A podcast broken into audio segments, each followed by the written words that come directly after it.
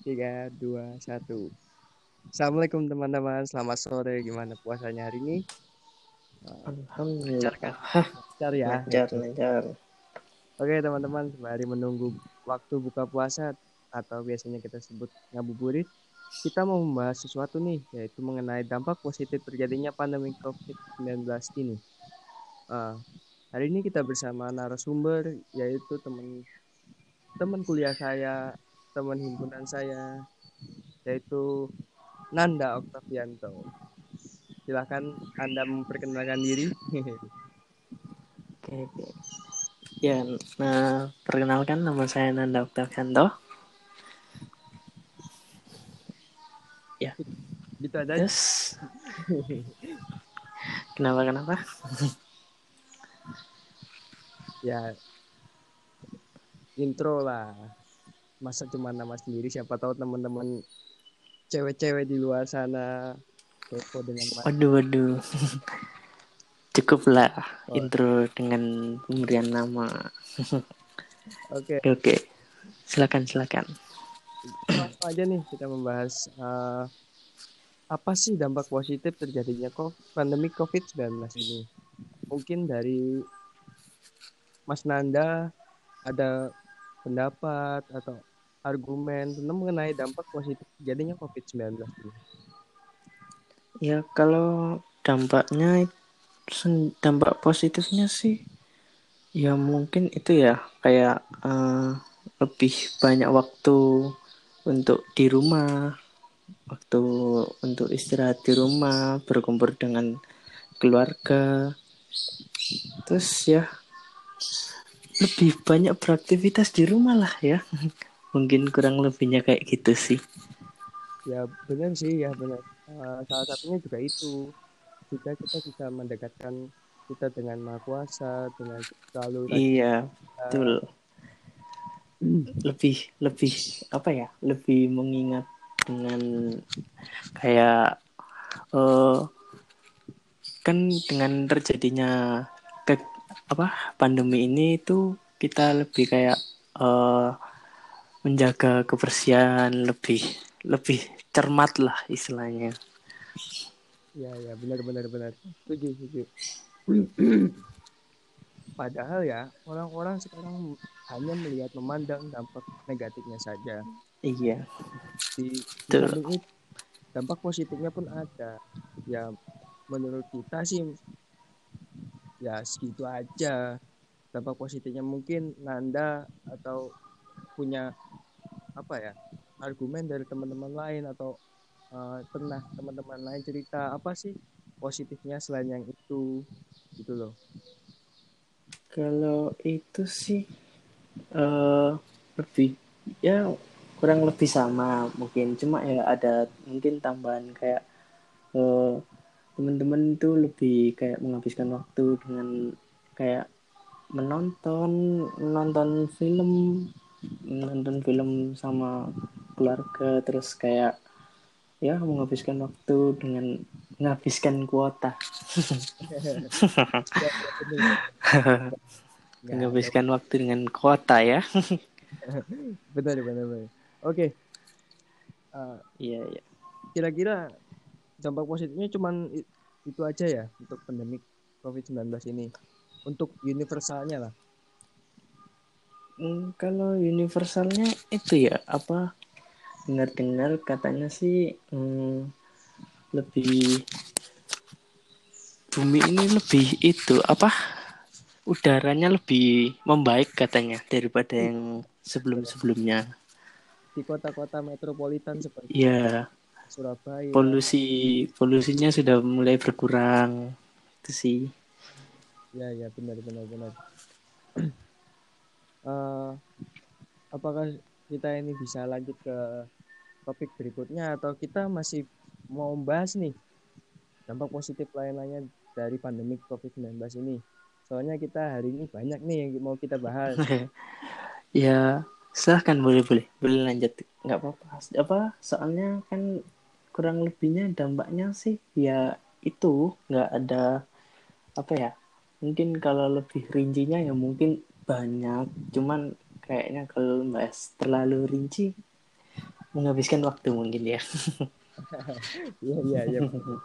Mungkin itu saja ya kayak Iya. sebenarnya pendapat kita ini ya pendapat pandangan kita sendiri nih nggak bisa kita ngomong apa yang tidak kita ketahui tidak Iya. kapasitas kita untuk berbicara tentang itu mungkin Betul.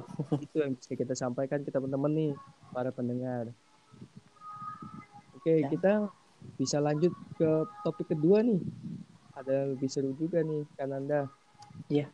Apa itu? oh ya kan sekarang banyak kampus nih yang sudah membuka pendaftaran mahasiswa baru nih Hmm? karena pandemik ini kan banyak otomatis pendaftaran online eh yang dilakukan online oleh universitas-universitas terkenal di Indonesia.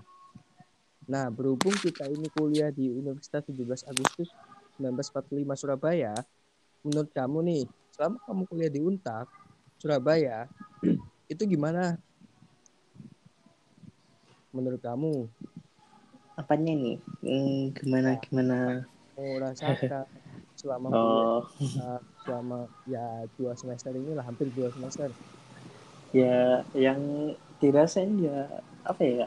Ya mungkin layaknya orang kuliah biasa ya, kayak ya belajar ya sep- seperti itu. Cuman pembelajarannya lebih mungkin kalau menurut saya ya kayak lebih santai sih mending nggak terlalu kayak rumit seperti yang orang-orang bilang. Kalau kuliah itu rumit gini-gini enggak ya sama aja sih.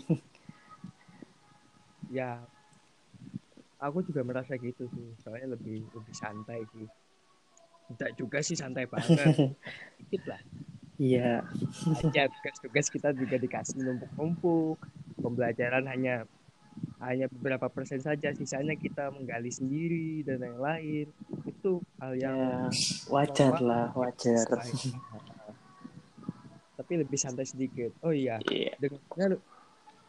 Hmm, eh, untuk Surabaya juga ada kelas malam ya iya benar.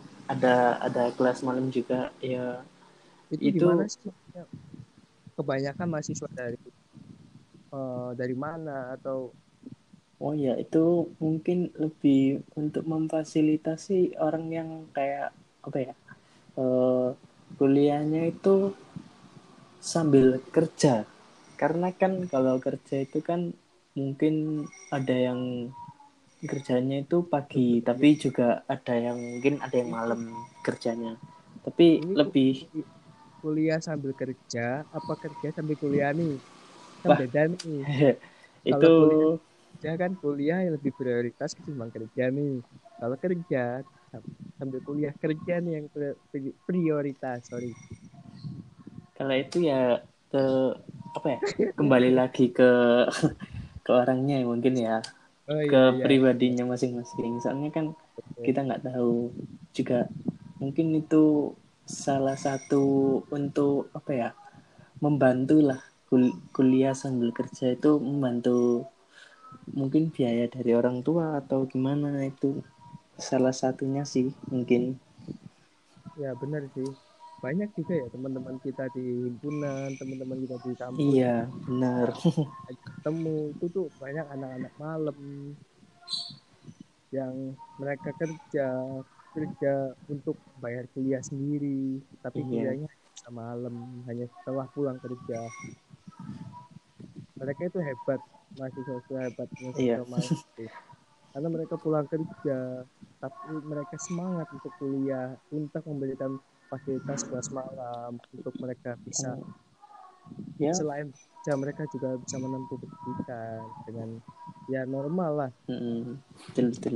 Ya soalnya kan eh, fasilitasnya di Untak itu nggak ada bedanya mas. Meskipun malam atau pagi itu kelasnya ya sama aja nggak ada bedanya.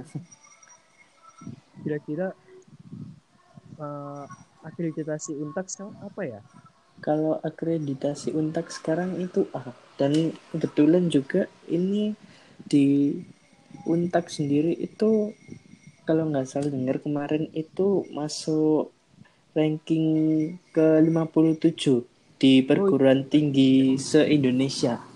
PTN PTS ya kalau Iya. saya dengar itu Iya, terus kalau yang se-Jawa Timur itu ke ranking ke 13 dan kalau yang se-Surabaya itu ranking 8. Ih, tambah Keren keren sih, Untak keren keren. nggak kalah dengan PTN PTN. Iya lah, Iya harus. juga. Ini eh, saya juga ngerasa ya Untak ini walaupun PTS perguruan tinggi swasta tapi ya SPP-nya masih terjangkau lah untuk Oh iya, teman-teman SPP-nya ter- sangat terjangkau lah itu. Kan soalnya eh, dibandingkan kuliah swasta-swasta yang mungkin banyak yang lebih mahal sih mungkin ya daripada di Untak itu mungkin. Ya bisa jadi sih. Kalau kita bisa hitung-hitung ya kurang lebih aja sih sama PTN yang bayarnya per iya, Kurang mirip-mirip lah. Ah, ah, kurang lebih aja ya. Ya lebih santai sih kalau kita di Untak juga. Untak kan kualitasnya sekarang tambah mantep. Iya, Tambah. mantep lah. Terus Nyaman. apalagi yang kamu tahu nih Untak perkembangan Untak atau kemajuan Untak selama kamu dua semester ini kuliah di Untak. Hmm, perkembangannya sih ya mungkin layaknya perguruan tinggi ya mungkin kayak eh, memberikan fasilitas fasilitas teknologi yang yang ada. Mungkin kayak ada kan kita juga di sini butuh kayak lab lab komputer itu juga ada. Terus kayak tempat apa ya tempat-tempat untuk mengadakan seminar-seminar juga ada. Ya lengkap lah fasilitasnya. Nggak kalah sama perguruan-perguruan tinggi yang apa ya kayak me- mewah atau gimana itu untuk sama sama. Udah nggak ada bedanya lah. Iya iya benar benar benar.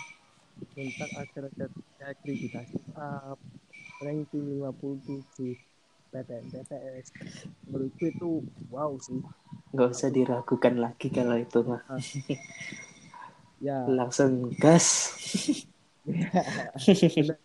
Bagi adik-adik yang mau daftar di Untak ya jangan aku dengan Untak gitu loh. Iya. Untak akreditasi A pilihan prodinya banyak. Pilihan fakultasnya ada tujuh prodinya ada berapa saya lupa itu kalau nggak salah. Banyak pokoknya. Banyak lah nggak. Terus ada. terus kan untak juga denger-denger katanya mau itu mau buka apa fakultas kedokteran ya. Tuh wah, Wah. itu keren sih. Jadi tambah eh, kalau ada jadi rame itu. jadi rame lah. Iya, bisa iya, bersaing bers- yang bisa bersaing dengan universitas. Ya mungkin yang Main. lain ya yang ada. Iya. Ya. Keren keren oke, keren. Mas ngomong-ngomong kita berdua ini kan eh ya diuntak di Fakultas Ekonomi dan Bisnis nih. Iya. Pro- program studi kita ini akuntansi. Nah, menurut kamu kuliah jurusan akuntansi atau program studi akuntansi di Untak Surabaya itu gimana menurut kamu? Selama ini nih kamu belajar dua semester. Ini kita kecilkan itu lagi ruang ke program studinya program studinya kita Ya. akuntansi itu ya kalau aku sendiri sih kayak apa ya eh, akuntansi ini kan peluang kerjanya itu banyak sih lebih kayak luas di mana-mana itu ada kita mau masuk di eh, di negeri di apa kayak pemerintahan atau kita mau di perusahaan swasta itu juga banyak dibutuhkan sih karena kan betul. eh mas juga kan eh, akuntansi ini kan bahasnya nggak melulu tentang keuangan sih mungkin ada ada yang lain lah. Mungkin juga bisa kayak membangun bisnis sendiri juga bisa. Itu kan karena kita, kita juga diajarkan sih tentang bisnis bisnis juga ada di lingkungan kuliah kita juga ada. Iya iya iya. Oh iya ada mata kuliah KWU ya. iya ada salah. Ah, Benar benar benar. uh, akuntansi apa sih yang membuat kamu Mas Nanda ini loh tertarik dengan prodi akuntansi itu atau awalnya udah memang basicnya akuntansi atau ada keluarga yang akuntansi gimana? kalau kalau ditanyain gitu sih uh, aku sendiri bukan dari basic akuntansi sih. Aku sendiri juga lulusan dari SMA IPA dan oh sama kita iya. Ya. lulusan SMA IPA tiba-tiba masuk ke akuntansi tuh awalnya emang bingung. Tapi bingung. tapi iya, lama-lama kok nyaman ya? Iya. apa tuh? Waduh. Ya, iya. iya nyaman ya. Karena apa ya uh, pembelajarannya sih lebih kita anak IPA itu kayak lebih mudah lah. Soalnya kan kita basicnya juga hitung-hitungan. Ada kayak matematika ada fisika itu lebih kayak lebih mungkin lebih kuat mungkin ya. Walaupun kita iya, basicnya nggak yeah, yeah. paham sih nggak terlalu paham tentang akuntansi tapi itu wah sebuah jurus ya jurusan yang menurutku walaupun kita dari mana aja sih bagus sih bisa diterima sih. Walaupun ya sih kan juga aku tahu temenku di kampus juga ada uh, anak dari apa ya kalau nggak salah teknik anak teknik komputer dari SMK itu dia juga hmm. masuk ke akuntansi. Ya seneng seneng aja sih. Katanya ya, iya. tiba-tiba masuk Tapi ke situ ya, ya, ya akuntansi iya. Ya seru sih belajarnya. Ya aku juga sih awalnya nggak nggak nyangka kok bisa masuk akuntansi. Nggak tahu itu apa akuntansi. Ya kita sama backgroundnya IPA tapi tiba-tiba masuk akuntansi ketemu dengan teman-teman yang memang sebagian ada yang basic akuntansi atau sama dengan iya. kita yang basic IPA itu menurutku suatu hal yang baru ketemu rumus-rumus baru yang kita pelajari di SMA wajib lah wajib wajib harus iya, tangan lah iya. hal baru untuk harus dicoba lah untuk yang mungkin iya, iya. anak apa adik-adik kelas kita yang mungkin bingung menentukan jurusan ke mana wah ini wah. cocok nih akuntansi cocok nih buat buat iya. anak-anak ya. uh, yang suka-suka menghitung gitu uh, uh, adik-adik kalau suka menghitung duit menghitung angka oh aku tadi tempatnya. Masuk lah. Tapi kalau kuliah di Unta itu Unta juga uh, ada yang namanya organisasi kemahasiswaan. Banyak. Yang mana ada organisasi kemahasiswaan himpunan mahasiswa BEM fakultas BPM fakultas BEM ini BPM ini. Nah di sini di Fakultas Ekonomi dan Bisnis untuk Surabaya itu ada enam orgem enam organisasi kemahasiswaan nih. Buat adik-adik nanti yang mau masuk ke dalam kuliah perkuliahan di Unpad itu bisa adik adik-adik nanti bisa gabung di ya untuk untuk uh, menambah menambah wawasan hmm. menambah ilmu kayak mengasah mengasah soft skill buat nggak hanya nggak nggak hanya apa ya nggak hanya tentang pembelajaran di kampus aja sih tentang kayak oh ini akuntansi aja. Oh enggak kita juga harus bisa kayak belajar bersosialisasi dengan orang lain.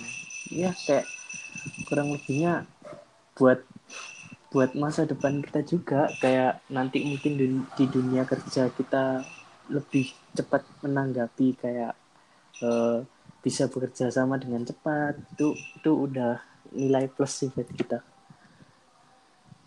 Nilai plus nih. Oh. oh, ngomong-ngomong btw nih kita berdua nih kan ya uh, anggota hima hima tangki lah yeah.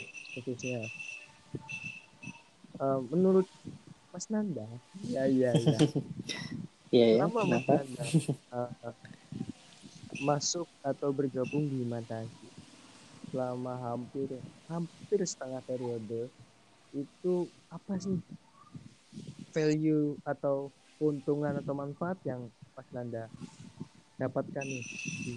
Kalau untuk sekarang sih udah kayak udah mulai kerasa ya. Mungkin kayak uh, jadi kenal orang-orang yang bener-bener kita itu awalnya nggak tahu. Wah terus tiba-tiba kenal ih ternyata keren nih orang. Ini apa kayak alumni alumninya itu nggak sembarangan. Yes bener-bener wah orang-orang iya. orang-orang wah orang ada iya ada yang kayak bekerja di di pemerintahan ada wah keren sih. Jadi nambah relasi seru ya. Benar-benar relasi itu penting loh mas oh iya sangat itu. Apalagi ya, kan kayak sekarang kerja itu kan ada istilahnya kayak the power of orang dalam. Wah. Iya, iya. orang iya. itu tuh yang kita nah, butuhkan lah istilahnya. Benar benar benar benar. Terus? Uh, saya juga nih orangnya kan Mas Nandet sendiri. Saya orangnya uh, bisa berbaur gampang bergaul gampang berbaur dengan teman-teman baru. Iya. Kakak-kakak baru. Nah itu juga jadi modal saya nih katanya untuk apa ya menjalin relasi ke senior-senior yang udah alumni yang udah bekerja di perusahaan besar di pemerintahan. Itu membuat hati saya ini terpacu bagaimana saya bisa belajar dengan beliau menimba ilmu di luar dari perkuliahan dengan beliau-beliau yang udah senior-senior.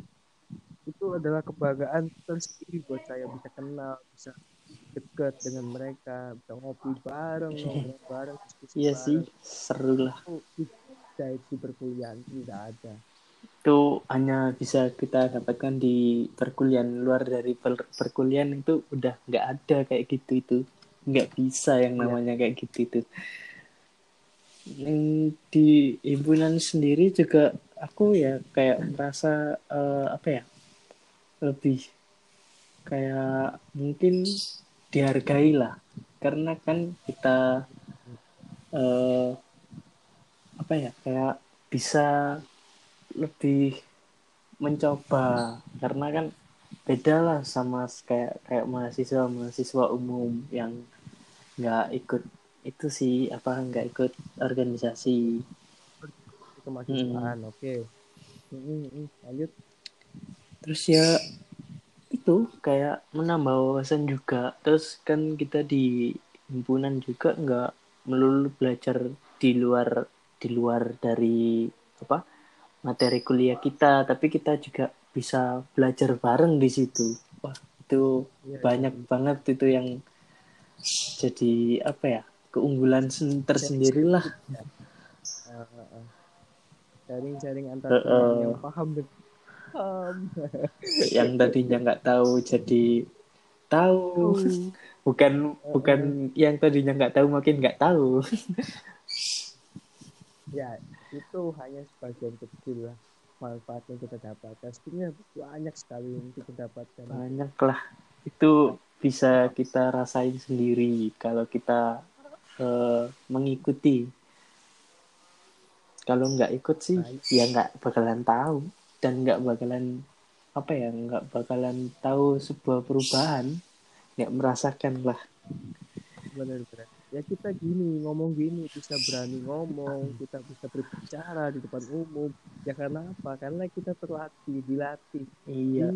Di, di, di organisasi kemahasiswaan di mana kita dilatih oleh senior untuk dipacu untuk kita belajar ayo belajar berbicara ayo berani berbicara di depan umum itu menurutku suatu hal yang luar biasa dalam diriku iya.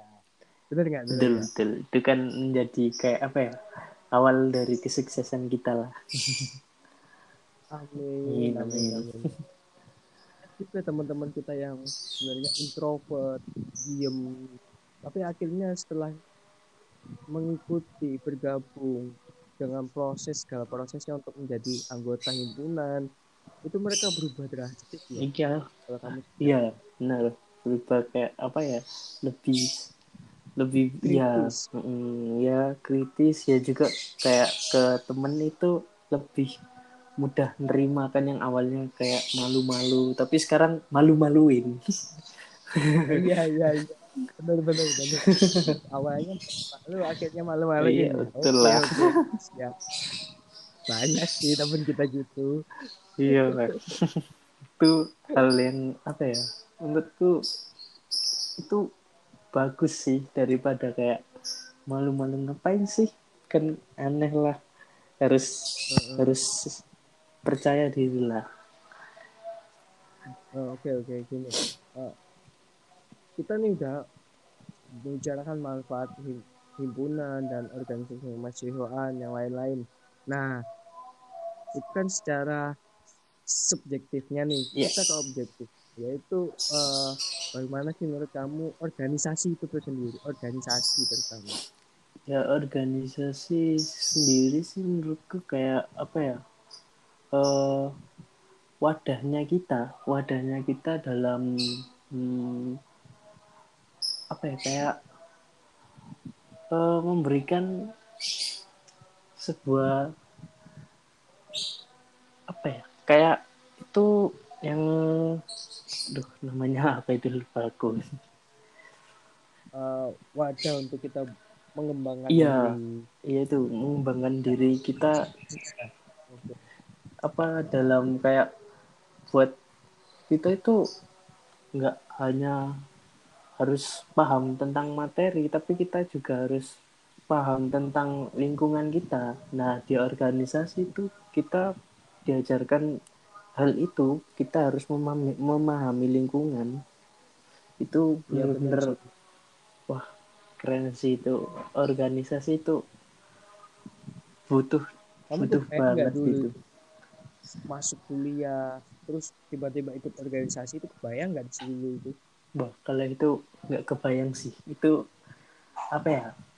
Eh, kayak awalnya sih kayak Iseng-iseng ya, gitu. ya iseng-iseng terus kayak eh, kan juga kebetulan kak itu apa temennya kakakku kan juga eh, apa anak organisasi. Terus di kayak disaranin coba oh ikut organisasi. Seru kok gini. Wah kayaknya sih seru. Terus akhirnya oh ya udah nyoba iseng-iseng. Eh kok oh iya ya bener ya dapat istilahnya ada manfaatnya lah. Nggak mungkin nggak ada kalau aku sih memang dari SMA udah organisasinya basicnya nggak ada. Jadi tinggal ngembangkannya aja di sini. Oh kalau kalau aku kalau aku sendiri Kaget sih. eh, nggak nggak pernah itu nggak pernah ikut organisasi sama sekali. Kebetulan kayak apa ya pingin nyoba aja sih. Wah kayaknya biar ada tantangan baru juga sih. Itu akhirnya ikut-ikut wah enak juga ya ternyata. Nyesel kayak nyesel wah emang sih nggak dari dulu. Tapi ya itu ada konsep ya. ada memang konsekuensinya penyesalan, itu memang di akhir. Del del del. Eh, apa ya lagi yang kita mau bahas ini? Banyak sih. Bingung. Bingung mau mau bahasnya dari mana? Mau- dan juga waktu kita ini tidak banyak sih kayaknya terus lagi kita menyiapkan untuk untuk iya kebetulan jalan ini kan juga lagi bulan puasa juga ya. Iya, kebetulan bulan puasa bulan berkah nih. Ya, walaupun kita di rumah kan nih, kuliah di rumah, kuliah online dan lain-lain. No problem sih menurutku, iya ya kan? iyalah nggak nggak apa ya Nah. nggak ada batasan sih karena kan belajar juga di mana pun tempatnya yang penting kita Nah. kita nyaman ya udah lanjutkan Setuju, setuju. Belajar tidak tidak mengenal tempat di mana pun. Kalau kita mau belajar, kita bisa belajar. ya betul Nah, Oke nih, Mas Nanda. Sepertinya cukup aja nih. iya usah lagi. Mungkin kita next episode kita bisa membahas lagi. oke siap siap apa itu yang lain pembahasan yang lain atau tetap kita melanjutkan pembahasan ini kan kita tidak tahu lagi Iya. selanjutnya nih mungkin saya undang Mas Nanda Wah, lagi dengan senang atau hati itu. Oke Mas Nanda, Oke. terima kasih atas waktunya. Mohon maaf apabila mengganggu. Oke, siap. Assalamualaikum warahmatullahi wabarakatuh. Waalaikumsalam warahmatullahi wabarakatuh.